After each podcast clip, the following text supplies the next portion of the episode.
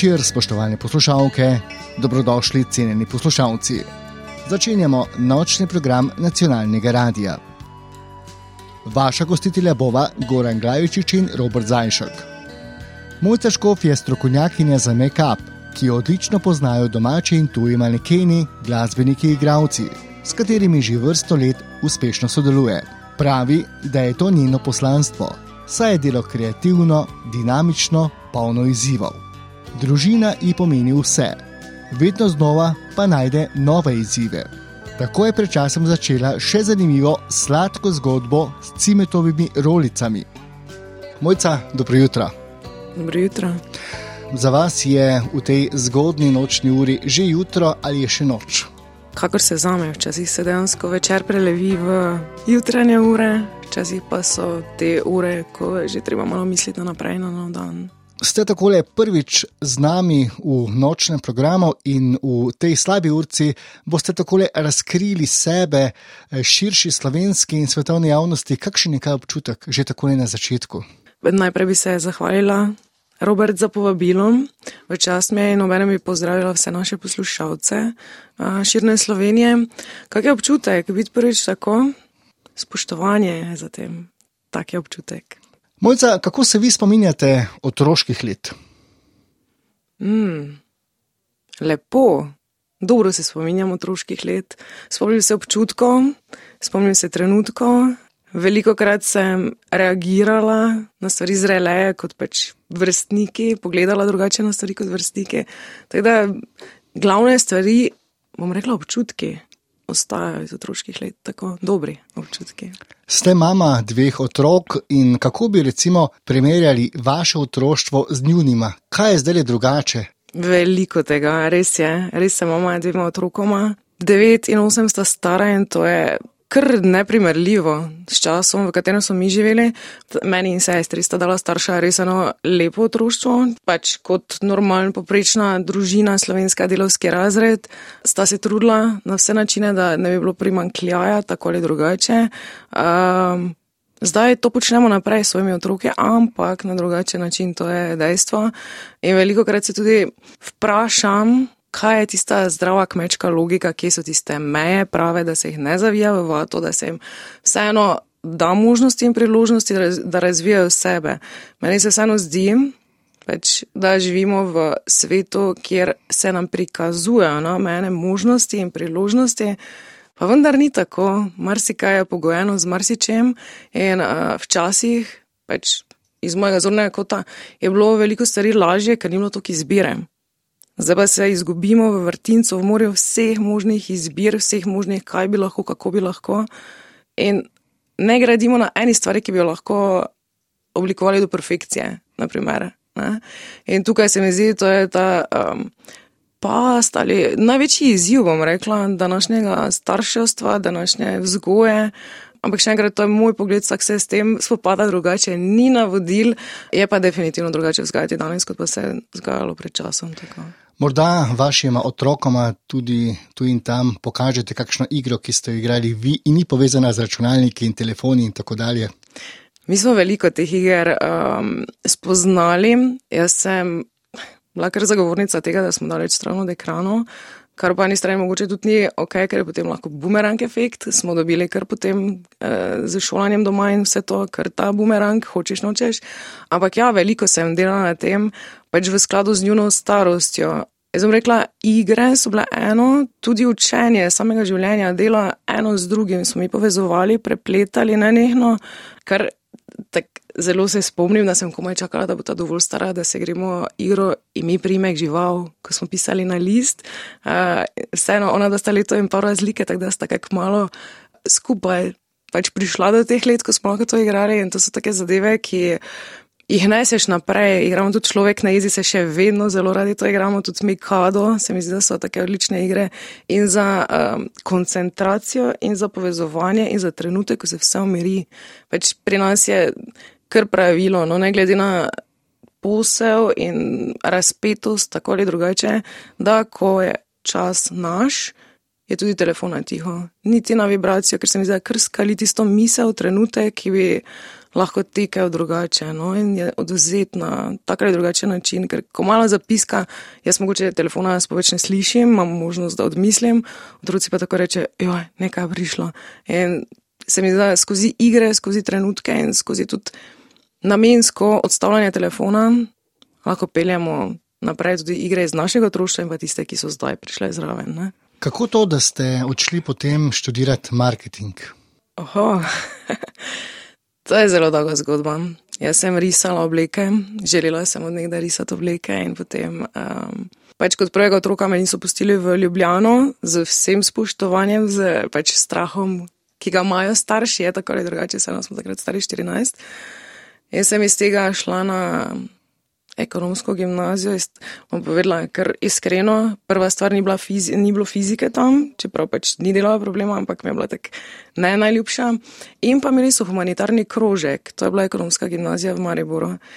Zelo sem želela biti v navezi z ljudmi, ki že imajo svojo zgodbo, ki so veliko krat tudi spregledani po vseh korakih, ki so jih naredili, ne glede na to, kakšno življenje so živeli. Vsake prehodijo neko pot in na koncu je fajn, če imaš koga, da podeliš to z njimi. In tako sem se udeleževala rednih uh, sestajanj z njimi v domu Danice Vogrinec v Mariboru na pobrežju.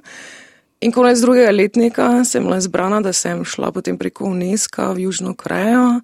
Um, da tukaj se je začela pot ekonomije, naprimer, ne? in potem sem želela naprej na faks, kjer bi pač postala ta modna oblikovalka. Uh, Pa bilo tako, da je bilo tam pa res 70% kemije, matematike, fizike. Razumem, treba je poznati sestavo materijalov, vse eno z drugim, ampak pojem v tem, da sem res želela samo risati. In EPF, marketing, misel je dala misel, da pa mogoče pa lahko jaz preko marketinga, da organiziram kakšno modno revijo in vseeno ostanem v tem svetu, tako ali drugače. Tako da zato potem marketing. Vrniva se nazaj in sicer na vaše delo preko UNESCO. Bili ste tako v mali vasici Južna Koreja. Tako je, je bilo tako. tako je. No, evo, naši poslušalci tega ne vidijo zdaj. Ne? Presenečenje je čisto. Robert, dobro upravljena domača naloga. Kako je bilo takrat? Kako ste sploh prišli do tega izziva? Um, Julija, august 2001. Ne? Tako je. Kot povedano preko humanitarnega krožka, Pač na tem mestu moram povedati, da se držimo svojega občutka v življenju. Tja, kamor te pelje, ker te pelje, te pelje z razlogom. Na koncu se vse stvari postavijo na svoje mesto, samo zaupaj. Če si jih res ne vidiš, kot klišejsko rečemo, stopnišča, vidiš en korak, eno stopnico, naredijo. Ne veš, kam te pelje, ampak če občutek ta prav, naredi ta korak. V glavnem, in, uh, jaz sem šla in na podlagi tega so zbirali pet prostovoljcev iz cele Slovenije. Uh, udeležilo se jih je skupaj 150 v Južni Koreji. In um, ja, naša um, strokovna pedagoška delavka in tudi um, gospod ravnateljica sta podali klic k nam in sta pač povedali idejo in sta povedali, da bi me radi poslali. To je bilo vseeno, stara sem bila 16, spet so se starši malo prestrašili vsega skupaj. Ampak na koncu je bilo podano pritrdilno in tako sem šla za pol meseca. Ja. Smo tam pomagali pri um, prostovoljnih zadevah v res tem manjšem kraju. Smo popravljali makadamske ceste, smo se družili z otroci iz lokalne šole, e, tam so nam pokazali njihova tokala, ki jih sami izdelajo, pokazali so veliko enih stvari, s katerimi se zamotijo. Pa čeprav moram povedati, oni so takrat že imeli kar konkreten dostop do interneta in do uh, mobilne telefonije. Jaz se spomnim, takrat smo šli v govorilnico na žetone, tam klicali domov ne, iz Koreje v Slovenijo. Oni tam pa so bili zelo podkovani s to tehnologijo, konkretno, ampak so imeli to zdravo mero, Mhm. kurli krese, ne vem, pod, pod njega, vem, da so dali krompir, a, da potem, ko je kres pogorel, je to bilo presenečenje, na koncu smo pač vzeli ta krompir ven in jedli tisto, niso komplicirali življenja, kljub temu urejenosti vsega skupaj, so znali tudi stvari enostavno živeti. No. To je tako vtis naredilo name in zelo res. Imamo občutek, da rutina ni za vas, da mora biti vedno nekaj, kar se spremenja, in morda tudi zaradi tega Akademija za inovativnost. Tako, res je. Glede na to, da sem parim sošolkam vseeno narisala maturantske obleke, sem postopoma začela tudi z ličenjem, bile so moje senčenje in vse skupaj. In potem sem tekom ekonomije rekla, da če pa imamo v šoli končno šolo, neko, ki tudi spodbuja uh, na nek način kreativo, ali je to v izraznosti oblike ali obraza, kakorkoli. In traja par mesecev, pa jaz to zraven naredila in tako sem šla na, na Akademijo za inovativnost. Tako. Nekako lahko rečemo, da je to, kar počnete primarno, torej da ste make-up artistka, vaše življenjsko poslanstvo. Ne? Kako je prišlo potem, da ste se odločili za to poslovno pot? Ste s tem uresničili eno vašo veliko željo, ki se vam do takrat ni uresničila, pa ste tako le našli eno poslovno nišo, hkrati pa tudi ljubezen. Vse je na nek način izhajalo iz ljubezni. Senčim stvari tudi že v, v mislih, odkar pomnim, odkar vem zase. Tako da je ta kreativa velik del mene odnegdaj. Je to vaše poslanstvo, ne? Je dejali. poslanstvo in se mi zdi, da ta na nek način veja make-upa, ličenja je pač ena izmed teh podvej tega vsega uh mhm. -huh. skupka. Ko sem tudi prej govorila, ne rada um, postavljam stvari v neke predalčke, kakorkoli, ker se mi zdi, da je vse prepleteno, vse prepleteno na nek način, dajemo sebe skozi marsikaj ven in če se to imenuje poslanstvo, bom rekla, dobro, ampak še vseeno se mi zdi, da je tukaj zelo širša slika od zadaj. To zličanje je pripeljalo iz tega nenehnega občutka kreative do priložnosti za to akademijo za inovativnost in um, tudi posledično do enega projekta, prvega, prvega, se kar nekaj sem že do takrat naličila, ampak en prebojni je bil tak, tega ne bom pozabila, smo snemali en video spot in tam je bil protagonist naš Tibor Golob. Uh -huh. In je rekel, mojca, če bi jaz kdaj, ker pač bi rad mogoče poskusil s fotografijo, če bi rad, če bom kdaj, bi te lahko kontaktiral, da narediš make-up. Imam tudi frizerja, mi je rekel. Sem rekla, v redu, ok. In res, v roku dveh, treh mesecev sem dobila sporočilo, mojca zdaj pa mi to naredili lahko. In takrat se je to vse konkretno, tukaj je bila konkretna prelomnica pri make-upu. In smo v naslednjem letu pa pol kar podelali našo slovensko estrado. No. Koga vse ste recimo Uj. vi imeli v rokah? Zdaj bom probala iti nekako od začetka, zato, ampak bom zagotovo veliko ljudi tudi spustila, tako da se že vnaprej opravičujem. Ampak tu so bili. Um, Sanja Grohar, uh, Saša Lendero, Špela Grošelj, Domen Kumer, uh, Natalija Verboten. Alja. Alja skozi, tako moja Ilka Alja. Štuhec. Ilka Štuhec, tako. Vidite, kako rečete? Špela Štamol. Špela Štamol. Veliko teh je. Enkrat sem rekel šir. Tako tudi. Jaz sem tako rekla, zelo redko se ustavim, pa premislim, pomislim na to, kje sem, pa kaj sem mogoče v očeh drugih dosegla, uh mhm. -huh. ker pač so moj način življenja. Jaz ne gledam na to kot na delo, kar se tudi kaže, da mogoče kdaj pozabim na koncu reči za uh, ceno ali karkoli, ker delaš res to z dušo, uh -huh. mi je to način življenja. Ne? In največji kompliment, ki sem ga tako slišala od osebe, ki me je prvič videla, smo si podali roko in me je predstavila potem naprej tako, ona, da sem jaz mojca škov, tista, ki je že ličila vse. Če z tega tako ne vidim, vem, da še marsikaj, ampak veliko pa je teh, ki so že bili na mojem stolu. Tudi legendarni pevec iz Jarenine, ne, ki ga poznamo po silvestrskem poljubu. Tako je. Alfinipič. Res je, tudi Alfinipič. In da ne bova samo tako slovensko omejena, tudi recimo v Milano ste bili eno leto in tam v roke vzeli Messi Gray. Tako je, res. Stvar za Milano je bila takšna, da se je spakiralo stvari. Tam nikogar nisem poznala, šla sem od agencije do agencije kjer so mi potem pri četrti rekli, da sem imela 52 agencij, se znam, kamor moram iti, potrkati na vrata. Čakajte malo, vi ste Tako. spakirali kavčke in odšli v Milano Tako. in trkali od vrat do vrat. Na modne agencije. Ja. Tako sem. Nikoga res nisem poznala, imela sem tam za deset dni hotel, sem rezervirala. To sem... pa je pogum. To so mi rekli, ampak jaz ne gledam na to kot na pogum, jaz gledam na to, ko te nekaj žene, te mhm. žene. Pač moje sanje, odkar vem zase, so bile, da bi ustvarjala oblike v Milano. In mi je ko pomisliš tako pri svojih, ne vem, 20 plus, Milano je relativno blizu. Mi imamo srečo, Milano je v stran 550 km. Zakaj ne probati? In beseda je dala akcijo in je to, to smo šli. Kakšna je bila izkušnja dela v tujini s temi znanimi fotomodeli, izstradniki, pa tudi s temi znanimi agencijami, ki slovijo po vsem svetu? Jaz bom tako rekla, um, ne glede na to, če si v Sloveniji ali v tujini, je oseba tista, ki na koncu naredi en odnos, naredi posel, če lahko temu tako rečemo.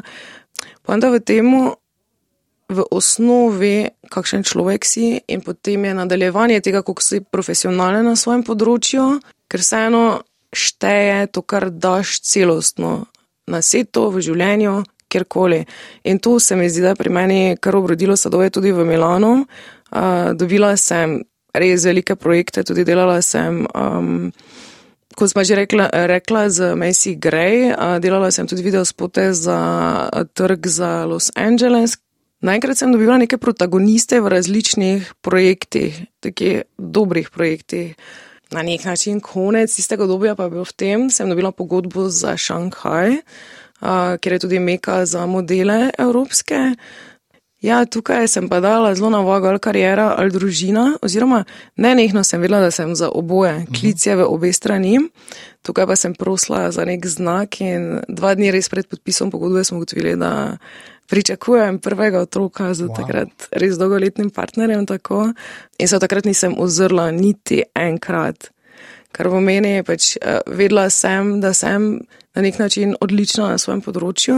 Do tega spoznanja sem na nek način mogla priti, ker pač ko delaš, se ti ne zdi nekaj posebnega, potem pa, mm. ko malo zrefleksiraš, vidiš, ne, kaj vse iz tega nastalo, kaj se vse iz tega rodilo. In poanta v tem, veliko krat sem slišala, zakaj nisem ostala v Milano. Jaz pravim tako, še enkrat, če veš, kaj imaš zadati, na nek način to pride s kilometrino, pride z, tudi z ljudmi, katerim, s katerimi si bil na nek način v kontaktu, tako ali drugače, ali je bil boljši ali malo slabši kontakt, vse ti nekaj da in te na koncu oblikuje kot osebo. In v trenutku, ko sem jaz ostala v Sloveniji, potem rodila dva otroka, drugega za drugim, jaz sem na nek način dobila kar velike projekte v Sloveniji. Doskrat sem dobila vprašanje, če se da z make-upom preživeti v Sloveniji, pač vseeno je trg majhen, pa Ljubljana je tista, ki je malenkost bolj um, center vsega tega. Ampak jaz menim, da se da, tako hvaležna sem za nadalje, so pot za vse velike projekte, za vse ljudi, ki so mi zaupali in mi zaupajo in se mi zdi, da se kar naprej peljajo te velike zgodbe in dobri odnosi naprej. Projekt je takole zgodba zase, ki ga začnete iz nulte točke in je tudi inspiracija. Ja, res je. Inspiracija je prava beseda. Nenehno se torej dogaja, nenehno nekaj novega, tudi vi zagotovo spremljate trende, pa vendarle, ker ste mama in eh, podjetnica, eh, nekako nimate tistega rednega delovnega časa od 7 do 3, tukaj so tudi vem, nočne ure, tudi vikendi. Ja, tukaj ni meje, res je. Veliko krat sem v otroštvu poslušala, da na koncu itak delamo vsi od sedmih do treh. Sem jaz vedno rekla, da ne bom od sedmih do treh, da jaz bom na samostojni poti. Nisem pa si mislila, predstavljala takrat, da če zdaj doma v neko kvir, dansko ni okvirja. Ni mhm. časovnic, ni vikendov, ni praznikov. Ampak to je način življenja, to je nekaj, kar nosiš v sebi, to je nekaj, ko zelo težko govoriti o tem z nekom, ki je upet v to varnost, eh, okvirja od sedmih do treh, pa večkrat tudi pomislim, ne vem, o petih. So lahko eni srečni, ko so oddali tisto delo, oddelali in oddali misel, konec delovnika, ampak na koncu ne bi menjala. Tako jaz diham to, kar počnem in živim to, kar počnem. In se mi zdi pač lep preplet tega in bi bilo žal, da ne bi peljala tega naprej. No? In pri tem vas podpira tudi družina. Tako je. Tako je. Moj čas in avenija dobrega počutja sta še dva naslova, pod katera se podpisujete. Uh mhm, -huh, res je. Moj čas, avenija dobrega počutja je naš salon v Mariboru. Bil je trenutek, ko sem želela um, narediti neko lokacijo za ličenje. Vseeno, nenehno sem bila na terenu, včasih pa so ženske vseeno vprašali, kam lahko pridem. Mm, In na podlagi tega je prišlo do ideje, iskal se je prostor v centru mesta, potem so prišli kar vprašaj, kako bomo zvozili center mesta, to so parkirišča, to so časovnice, vseeno nisi konkretno deset ur na enem delovnem mestu. Ne? In um, ja, smo prišli do prostora na obronku Maribora kjer se mi je zdela odlična padnica. Vem, da sem takrat imela našo Aljo v mislih, ker ona je prišla iz Mozirja v Maribor na Meka, pa potem snemati na obalo. In uh, vem, da sem res imela njo v mislih, smisla, kako bo imela lažje, kako bo lažje za take ljudi, ki prihajajo iz avtoceste, da smo dejansko na obronko. Ne? In um, ja, to je bil kar podvig, konkreten, in smo odprli 20. februarja 2020. Potem pa smo zaprli čez tri tedne, ker je prišla korona. 13.3.2020. To je, um, je kar bil izziv vse skupaj, ampak zgodba je bila zelo lepo zastavljena, tako da nisem nad njo obupala. In, uh, Vzela sem tudi punce zraven, ki so profesionalne na svojem področju, pač želeli smo ponuditi še masaže, nege, pač kozmetične zadeve. In, um, ampak zelo profesionalno, ker vem, kar kar ljudje nekako pričakujejo, da dobijo pri meni, sem želela, da dobijo na vseh segmentih tega, kar se lotevamo. Ne? In te punce so šle z mano skozi korono, skozi marsikaj in še danes obstojimo in še mhm. danes smo ekipa in menim, pač sem zelo hvaležna. Za vse, kar je, in danes, tri leta kasneje, evo, še vedno stojimo, delamo in se še razvija naša avenija naprej. Tako. Koliko časa si vzamete za izobraževanje, kaj ti morate biti vedno in Tako bom rekla, da pri meni potekajo izobraževanja nenehno. Bodi si formalna, neformalna. Je bilo eno leto, ko sem se kar malo ustavila in pomislila na to, da ne glede na to, če imamo na koncu, ne vem, zaključeno osnovno šolo, srednjo diplomo, kakorkoli, kamorkoli nekoga pelje do katerega koraka. Jaz se nenehno izobražujem in to ni uh, stvar tega, da na koncu dobim papirje, grem bolj za svojim občutkom. No? In poanta v tem, naše izobraževanje se ne konča s tem, ko zapremo računalnik, ko zapustimo ne vem, kakšno vseeno sobo, predavalnico, kakorkoli. Tudi to, kar mi dva zdaj tukaj počnemo, je izobraževanje na nek način. Prejemamo energijo drug od drugega, vseeno slišiva mogoče zgodbo iz nekakšnega drugega zornega kota. Um, spoznavamo nenehno svet okrog sebe. Vsi ti naši um, sprejemniki so nenehno aktivirani in na to jaz največ dajem na šolo življenja. Tudi otroke učim tega, da bodo pri 20-ih dobri ljudje. Um, tudi v poslu mi je to zelo pomembno, tudi moja ekipa je na ta način sestavljena, ker želim ljudi, ki so kredibilni, stojijo za sabo. Pač in da verjamejo v to, kar delajo, in da so zmožni, smo zmožni ne nekno prejemati drug od drugega. Uh, tudi znati vedeti, kje je meja, kje, so, kje je pač dobro, kje je manj dobro, kaj je spoštljivo, kaj je manj spoštljivo. To se mi zdi tista največja šola, ki ni formalna, ampak je bistvenega. Pač Vi ste tudi dejali, da je vaš življenjski moto ali pa kar modrost na dolgi rok je sreča na strani pogumnih. Odvisno, kako pogleda na to. Mogoče, mogoče sem pa res pogumna zelo radi tudi pohvaliti in veste moč pohvale. Ja, to pa je res. To pa je res. To, pa, to vedo nekako vsi, ki so živeli v stiku z mano, tisti, ki so mi bližje, vedo, da je to v moji naravi, da je to konkretno, da mene.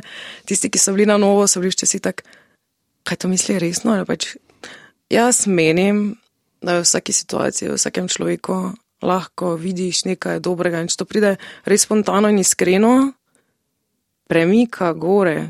Kograt sem se sprašala po tej poti, dve taki prelomnici, konkretno sta bili, če ni preveč površinsko, kar jaz počnem, vseeno učim ljudi ličenja, vseeno ne vem. Je kar dvorezen meč to, s tem, kar verjamem, plus pač v povezavi s tem, kar počnem. In uh, vsakeč znova mi je Bog dal nekako na pot v tistem dnevu nekoga, od kogar sem na nek način dobila povratno informacijo, kaj sem naredila s tem, ko sem mu dala trenutek uh, tega, da se počuti drugače z make-upom. In vem, da bila ena punca, je prišla po par letih, Pač pri meni so redne stranke takšne, niso vem, kot pri frizerju vsak teden, ampak grem z njimi res skozi ene prelomnice. To je od materanskega pride potem za poroko, nosečniško fotografiranje, kakšne posebne priložnosti in to včasih minijo res leta. Ne?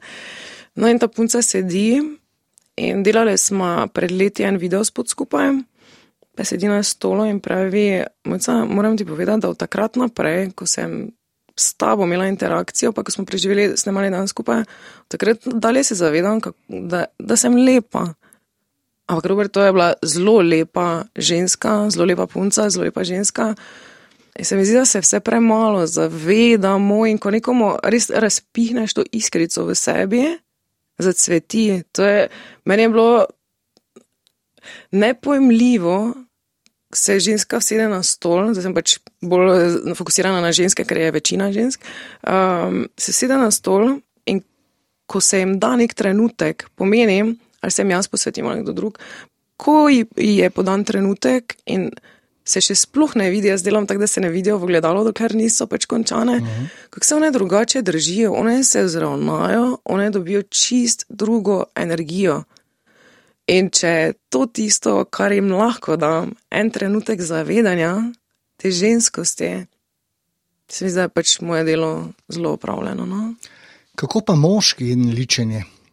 Kako pa moški in ličenje? Tega je kar nekaj, glede na to, da se to zdela v šov biznisu, je kar nekaj. In imamo takšne, ki bi pač mogoče malo želeli skriti kakšno manjko zdrave samopodobe, bom tako rekla. Imamo takšne, ki točno vejo, eh, kako bi želeli izgledati pred kamero. Sem pa imela res en konkreten podvig, z, sem, ne lahko povem po imenu, z gospodom Stavrosom. To je bila. Uh, več imeli smo maskirnico na enem koncertu in jaz verjamem, zvezda njegovega kova je dala že skozi marsikaj in nikoli ne ve, kdo bi se naj približal pač njegovemu obrazu. To je vseeno vstop v osebni prostor nekogaršnji in jaz to delam res z spoštovanjem, ker se tega zavedam. In vem, da je bilo tam kar nekaj ljudi okrog in gospod eh, Stavros je rekel, da pač želi, da se dela z njegovim make-upom, ker ima najboljši make-up, ki so mu ga pač svetovali, najboljše vizažistke v Zagrebu. Ne? In uh, da bi pač želel, da se s tem dela. In on da to ven, in na koncu ugotovimo, da, dela, da delamo z enakim make-upom. Uh, sem pa mu rekla, da če pa želi, pa lahko komu uporabi njegove čopiče, da se pač počuti bolje. Ne? In uh, ljudje okrog so se smejali, jaz pa sem ga dejansko razumela, to je bila ta razlika. Ne? Meni je bilo smešno, meni je bila čista realna zagonetka, do katere pač prideš novem, pač v nekem novem prostoru z novimi ljudmi, se vprašaš, ker marsikaj na trgu, ko pač ljudje smo si različni in delamo različno in to se odraža pač. Mm, v glavnem je na koncu mu bilo vse tako zelo všeč. Uh, Ne bom pozabila, na koncu mi je podal roko in rekel, še enkrat se je on predstavil, me pogledal v oči, rekel, da se pravičuje, če bi malo pač um, uh, naporen na nek mm. način. Pa sem rekla, da sploh ni problema, da naj gre, naj se ima fajn, naj, uh, naj uživa na koncertu. In preden je šel, je rekel, če še lahko pride potem nazaj do mene, da še snameva ta make-up. Potem pa smo res po koncertu imela trenutek zase, ni več bilo ljudi okrog in se še enkrat zelo zahvalil za pristop, pa za razumevanje. To se mi zdi, da je tisto, kar. Da tudi, ko prideš v situacije, da skušaš na nek, razum, na nek način razumeti. No?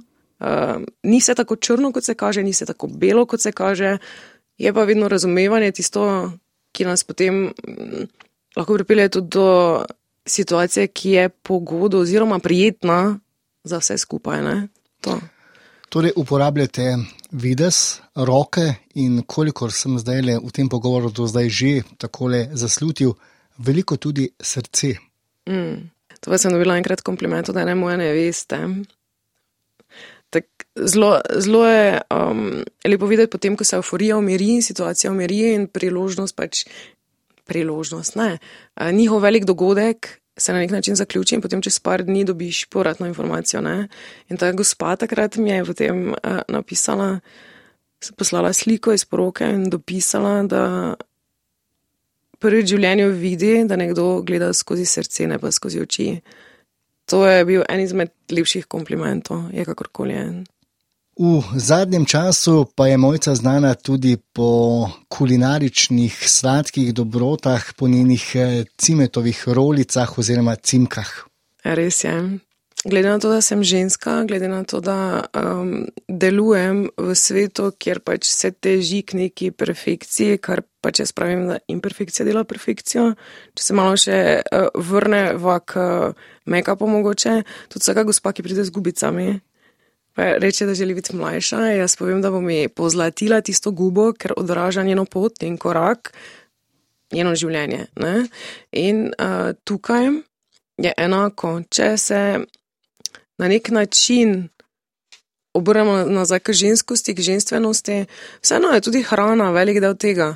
Uh, in s tem, ko na stolu za make-up nekako zadovoljiš žensko, ki je na stolu, so bili najkrat zadovoljni vsi in očetje in detki in uh, sestre, brati, vsi otroci, naenkrat se je risal na smešek vsem. To je. Neprecenljivo bilo videti, eh, kaj so cimke naredile. Tako da res mogoče iz tega vsega, iz koraka za korakom, iz občutka in iz srčnosti, je vse pripeljalo potem tako daleč, da smo nekako nastavili še kot posel.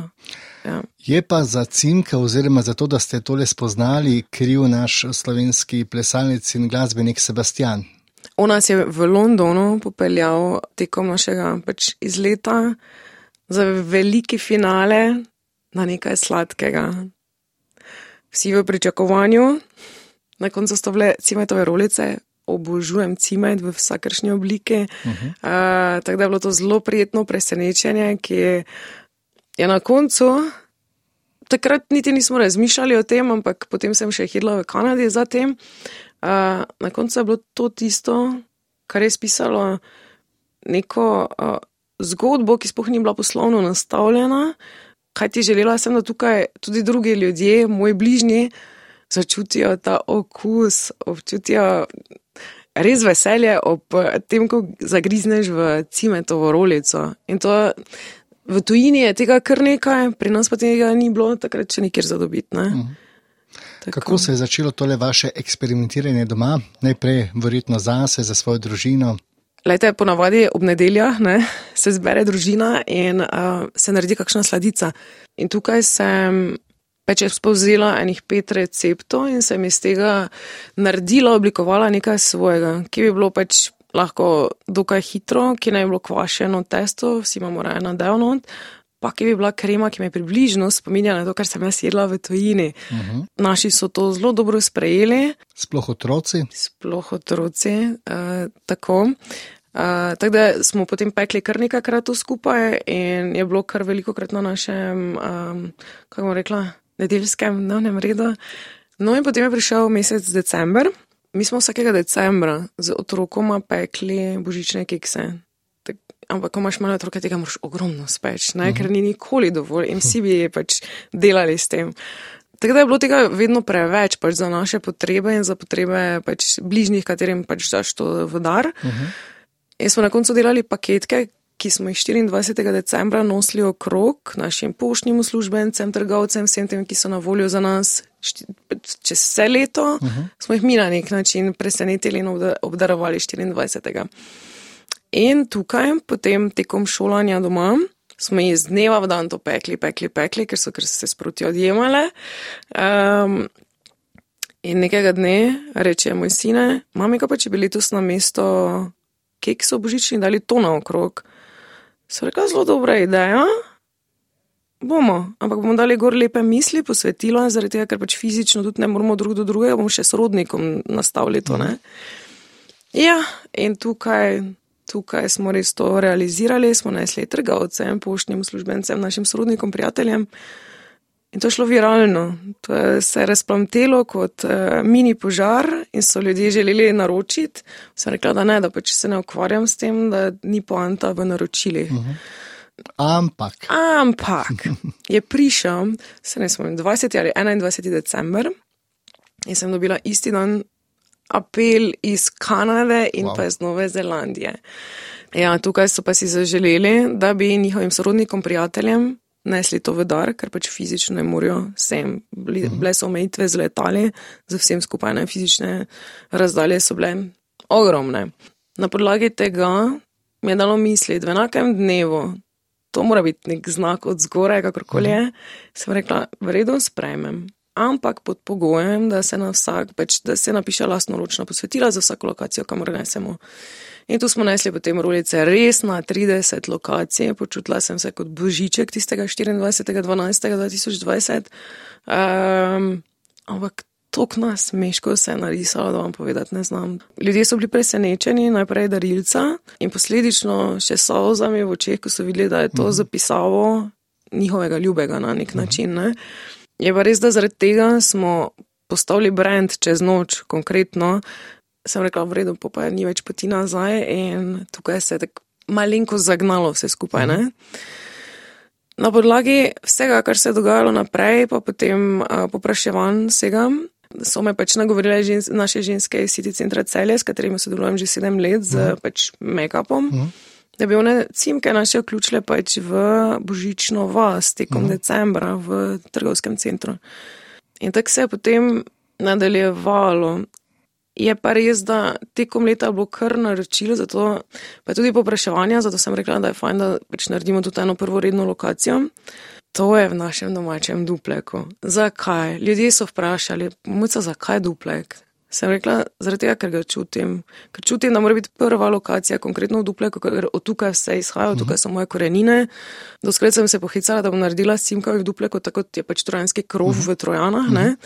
Ljudje prihajajo zaradi cimk, ljudje ne prihajajo zaradi mojce. Cimka je tako močna in mogočna, da ljudje prihajajo konkretno zaradi cimke, In smo torej otvorili konec meseca novembra v Dupleku. To vam koristi znanje marketinga, ki ste ga študirali? Ne? Mogoče mešanica obojega občutka mm. in marketinga. Mm. Najprej občutek, potem pa ne, formalne, pač formalno znanje. Pač občutek je bil, jaz tega ne znam razložiti. Tako tisti za Milano, da je bil čas, da treba iti v Milano, mm. tako je bilo tukaj pri Cimgah, da pa je treba narediti v tem trenutku uh, zadevo v Dupleku. Je pa res, da pri nas bom tako rekla, mogoče malo karikirala v umetnikih, ko si nekaj zamislimo, pomeni stvari kar hitro steč. Mhm. -huh. Jaz sem videla, da moram tukaj narediti istočasno kot v celju, pomeni konec novembra, da se istočasno odpre ta lokacija in uh, smo zato. V dveh tednih postavili vse iz nule, konkretno. Mhm. Zagotovo je pomagala pri vsem skupaj tudi lokalna skupnost, kajti tudi to je za njo dodatna reklama. Ne? To moram, ne morem dovolj povdariti, koliko je pripomogla lokalna skupnost. V tistih tednih pred otvoritvijo ljudje smo stopili skupaj, v dnevu otvoritve smo zopet vsi stopili skupaj in potem nadalje. Povzeli so dejansko lokalni odjemalci, povzeli so domačini za lasten odjem, za lastno peče božanje duše z cimkami, kar je posledično tudi vodi ali je vodilo do tega, da prihajajo ljudje od posod. Ena zanimivost, imamo tam ena vrata, kamor se ljudje podpisujejo. Sem rekla, da je na mestu spominske mhm. knjige. Mm, Ker pač spominska knjiga je tam, ok, tako pa je na vidnem mestu. Vsi mi cimkari, vsi, ki imamo radi mhm. cimke, smo tam gor podpisani. In um, ko malo govori z ljudmi, odkot so, pa da ne pustijo pač svoj podpis. Slišiš zgodbe in ljudje prihajajo konkretno zaradi cimk. To je nepojemljivo. Prihajajo zaradi zgodbe, prihajajo zaradi um, okusa, prihajajo zaradi tega, ker je tisti pa rekel, da je to ful dobro, pa da mora priti poskusiti. Kaj je tako posebnega v cimkah? Je to tisti poseben imprint? Cimke, Robert, so posebne same po sebi. Uh -huh. To je enkrat ena. Vsak jih je že poskusil, zato so meni všeč te prve reakcije od ljudi, ki še jih niso poskusili. Ampak kaj je tistega, kar je tisto, kar tako zelo navdušuje, se mi zdi, da je res narejeno z ljubeznijo, ne glede na to, v kakšni količini, uh, kakorkoli, narejeno z neskončno ljubeznijo in res v vsakem testu, kakor se razmaže na del, naš cime dišeč, um, je not imprint, tako je energetsko. Na nek način sporočilo. Sploh nisem razmišljala o tem, da bi bilo energetsko sporočilo, ampak se mi je zdelo zelo prav, da se tudi fizično da ljubezen od, ne samo preko misli. Jaz sem pač v 95% imam zraven tudi uh, klasično glasbo uh mhm. -huh. narejeno, ko se dela, in potem je ta fizični imprint, ali je to srce, ali je to kakšna uh, skica, ali je to kakšna lepa misel, je prišlo čisto naravno. O tem se ni razmišljalo, o tem še se danes ne razmišlja. Vsi pa vejo, da je to otroka, In če vidite karkoli in da sta zraven, ko se dela, onda ker pridete pa narišete not in to je meni ker toplo pri srcu, ko, ko vem, kakšno je ozadje. Mhm. Eno je, včasih malo pozabiš na to, ker vidiš, potem se stvari peljejo naprej, ko pa se malo ustaviš, pa zrefleksiraš, tako kot to počneva zdaj mi dva. Ja, so močne in mogočne stvari že tekom izdelave cimke, In vse, kar potem sledi, se mi zdi, da je pač posledica vse te ljubezni in predanosti. No? Kako pomembni so pri tvojem delu državni mediji? Je pomembno to danes, vseeno pa se mi ne zdi, da je treba 300% dajati v to. Dober glas seže v deveto vas, če so neki temelji postavljeni, je fajn, da je tukaj neka um, možna komunikacija, ne pa na vsak način, za vsako ceno biti samo gorne. To se je pri meni konkretno pokazalo, ko prihajajo ljudje do mene, pri make-upu. Jo, vam mojca, vem, koga si že vse delala, pa kak je to, kaj pa to. Saka, pa kak, če jaz zelo nisem ažurna in tako, moje objave so res um, preredkejše kot pogostejše pri tem, ampak zgleda, da vseeno neko sosledje, da so ljudje pač prišli do končne misli, ne vem, kakorkoli, pogleda v moje delo na nek način in posledično tudi na, do tega, da pa moraš biti na nek način dober, če želiš pač delati z vsemi temi, kot mogoče jaz. Kaj pa, ko mojca ne dela? Nekje sem prebral, da ste dejali, vsahlo jezero ne more polniti potočkov naprej. Zelo verjamem v to. Nikoli vsahlo jezero ne more polniti potočkov naprej. Je pa res, da je zelo, zelo odvisno od tega, kakšno pot izbereš v življenju. Kot sva govorila na začetku, moja pot življenjska je prepletena, konkretno, če se tako izraziva s poslanstvom, z načinom vsega, kar delam. To je način mojega življenja, to je moje življenje in me polni. In še posebej zdaj, ko je bil december, res, res um, izziv na vseh straneh, so me ljudje sprašvali, kako zmorem. Vsakeč sem jih pogledala, sem rekla, no, zato je z nasmeškom ste zdaj prišli do mene. To polni. Greš korak naprej in je to to. In tudi, bomo rekla, z otroki. To je ena stvar, ki mi je dala v decembru, pač, ker misli, da je bilo premalo časa z njima, na nek način tistega pravega časa, ne, uh -huh. uh, ne tako mimobežnega. In mi je zopet dalo pač vedeti, da moram stvari malo reorganizirati, da si tudi zamemo, lahko konkretno mi čas za sebe, tak pravi čas, produktivni čas. No? Uživate v naravi. Uh mhm, -huh, res je. Po večini je to blizu voda, takšnih ali drugačnih. Pač, eh, veliko krat smo se odpeljali do morja, ampak se mi zdi, da ni poanta v tem, kam greš, poanta v tem, da greš. In imamo torej tudi v okolici Maribora in v okolici Duplek ali v Dupleku so konkretno take točke. Um, meni so pač vedno bolj všeč manj obljudene točke, sem zelo rada tisti mir od zunaj. Uh mhm. -huh. Tako da ja, naša reka Drava je tukaj, je tukaj grad Vurberg, naprimer. Uh mhm. -huh. To se mi zdi, da si na vrhu sveta, se fajn zbistrijo misli, prepiha vse skupaj. Teda še enkrat, ni, ni tako pomembno kam, važno je, da narediš korak ven, da malo spustiš vse skupaj, pa da se predaš tej brezmejnosti, temu pač um, naravi, ki nas obdaja. Spet smo pri osnovah. Radi rišete in tudi pišete misli in poezijo. Res je, to je, evo, spet govorim z nasmeškom. Se mi zdi, da ko pač na nek način razmišljaš svojo glavo, slediš svojemu koraku, opuščaš svoj sled da kar ene stvari prihajajo in jih je treba včasih pribeležiti na nek način. In pisanje in risanje se mi zdi pač dober medij za to, kakorkoli je. Veliko krat tudi dobim potem povratne informacije, kakega rezultata, kaj se je to postilo na nek način na ljudeh. To so stvari, ko mogoče jih jaz drugače vidim v tistem trenutku, nekdo, ki bere, zopet jih spreme drugače. In um, ko dobivam povratne informacije od ljudi, ki ne všeč, kaj ok, na nek način ne komentirajo, ker pač tudi meni ni to prioriteta. Ampak vidim, da se sledi zadevam in da jim pride pač pod površje, bolje vredno tudi, da je kakšno misel zabeležiti. No. In eh, kaj bi dejali na koncu tega najnega nočnega pogovora? Glede na to, da smo sred noči, glede na to, da smo morda si noči zrefleksirali včerajšnji dan, da je reči, da se vsi skupaj prepustimo jutrišnjemu dnevu da si dovolimo začutiti, kar si mogoče ne bi, da si dovolimo kdaj izreči dobro zadevo, ki se včasih ustavimo, da si kdaj dovolimo spustiti kakšno slabo misel, da damo prostor dobrim starim. To je osnova. Brez prostora za dobro ne more prihajati dobro. In dajmo si upati, pogumno. Mojca Škov, hvala lepa za nočni obisk in eh, ne vam še naprej tako uspešno zvezde kažejo pot. Lepa hvala, Robert, res srčna hvala za povabilo, lepa hvala za možnost in priložnost in za na nek način spremljanje moje, naše zgodbe. V čast mi je.